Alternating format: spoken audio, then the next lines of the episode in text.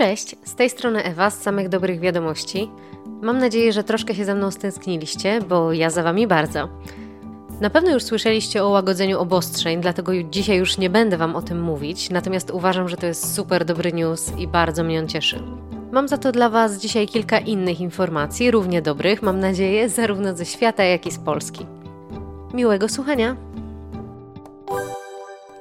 Prawo w końcu stanęło po stronie ofiar przemocy domowej. Sejm liczbą 433 głosów postanowił, że sprawcy przemocy domowej będą izolowani od swych ofiar. Jest to ogromny sukces organizacji walczących z przemocą domową, organizacji broniących praw kobiet oraz Lewicy, która wniosła projekt ustawy do porządku obrad Sejmu. Do tej pory nie było podstaw prawnych, aby policja w trybie interwencyjnym mogła odizolować sprawcę przemocy od jego ofiar. Wyegzekwowanie izolacji było możliwe jedynie na drodze sądowej, co trwało czasami wiele tygodni. Dzięki uchwaleniu ustawy o izolacji sprawców, policja oraz żandarmeria wojskowa mają prawo wydać natychmiastowy nakaz opuszczenia wspólnie zamieszkiwanego domu i jego otoczenia. Taki nakaz będzie obowiązywał 14 dni, jednak na wniosek ofiary ten czas może zostać przedłużony przez sąd. Policja jest zobowiązana do sprawdzania, czy nakaz jest przestrzegany przez sprawcę, a obejmuje on również niezbliżanie się do ofiar. W głosowaniu tylko sześciu posłów było przeciwnych przyjęciu ustawy, a sześciu wstrzymało się od głosu. Nie ukrywam, że bardzo mnie cieszy ta zmiana i gratuluję wszystkim posłom, posłankom i aktywistom, dzięki którym była ona możliwa. Portugalia zanotowała w niedzielę rekordowy wzrost liczby osób, które wyzdrowiały z COVID-19. Grono ozdrowieńców powiększyło się o blisko 10 tysięcy i obecnie wynosi prawie 18 tysięcy osób. Według szacunków Ministerstwa Zdrowia Portugalii, między sobotą a niedzielą zanotowano również wyraźny spadek dynamiki nowych zakażeń w całym kraju. Co ciekawsze, wyobraźcie sobie, że na położonym na Atlantyku archipelagu Madery już od ponad 20 dni nie zanotowano ani jednego nowego zachorowania, i to mimo otwarcia miejskich plaż i złagodzenia obostrzeń.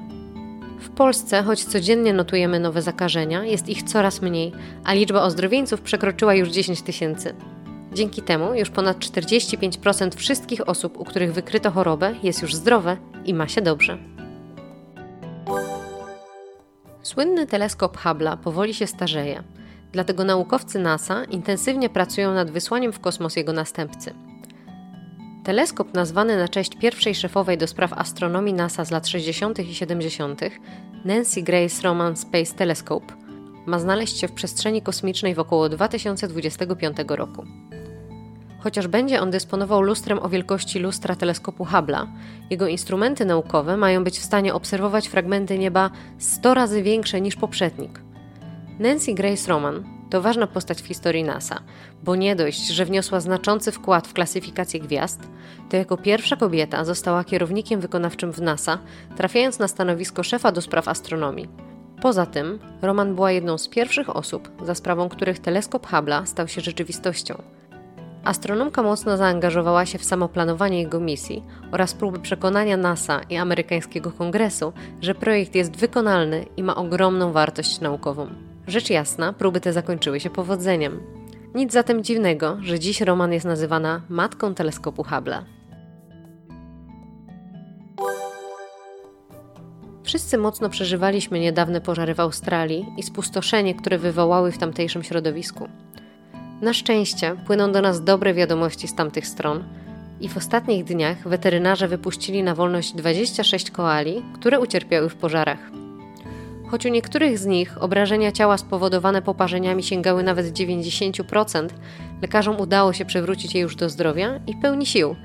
Dlatego zwierzątka mogą wrócić właśnie tam, gdzie ich miejsce, czyli do środowiska naturalnego.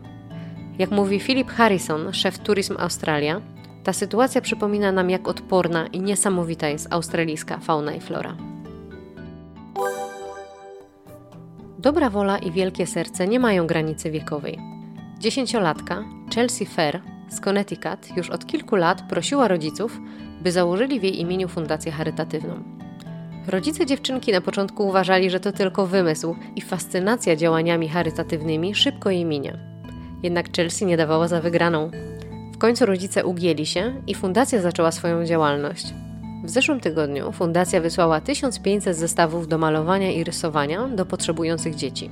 Zestawy, które obejmują markery, kredki, papier, kolorowanki, kolorowe ołówki i długopisy żelowe, zostały przekazane do szkół i schronisk dla bezdomnych w całych Stanach Zjednoczonych. Sama Chelsea twierdzi, że jej marzeniem jest spotkanie z każdym dzieckiem na świecie i przekazanie mu odrobiny sztuki. Plan ambitny, ale ja życzę jej wyłącznie powodzenia. Społeczność rdzennych mieszkańców Aszaninki w Brazylii wygrała 20-letni spór federalny przeciwko nielegalnym interesom związanych z pozyskiwaniem drewna z ich terenów.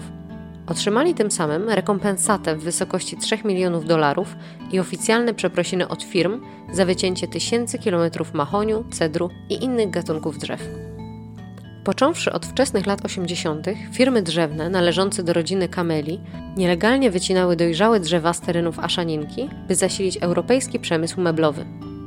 W ramach nowej ugody firmy przeprosiły za wszystkie spowodowane trudności i przyznały ogromne znaczenie mieszkańców Aszaninki jako strażników lasu, gorliwych w obronie środowiska. 3 miliony dolarów odszkodowania zostaną przeznaczone bezpośrednio na projekty chroniące społeczność Aszaninka i las Amazonki.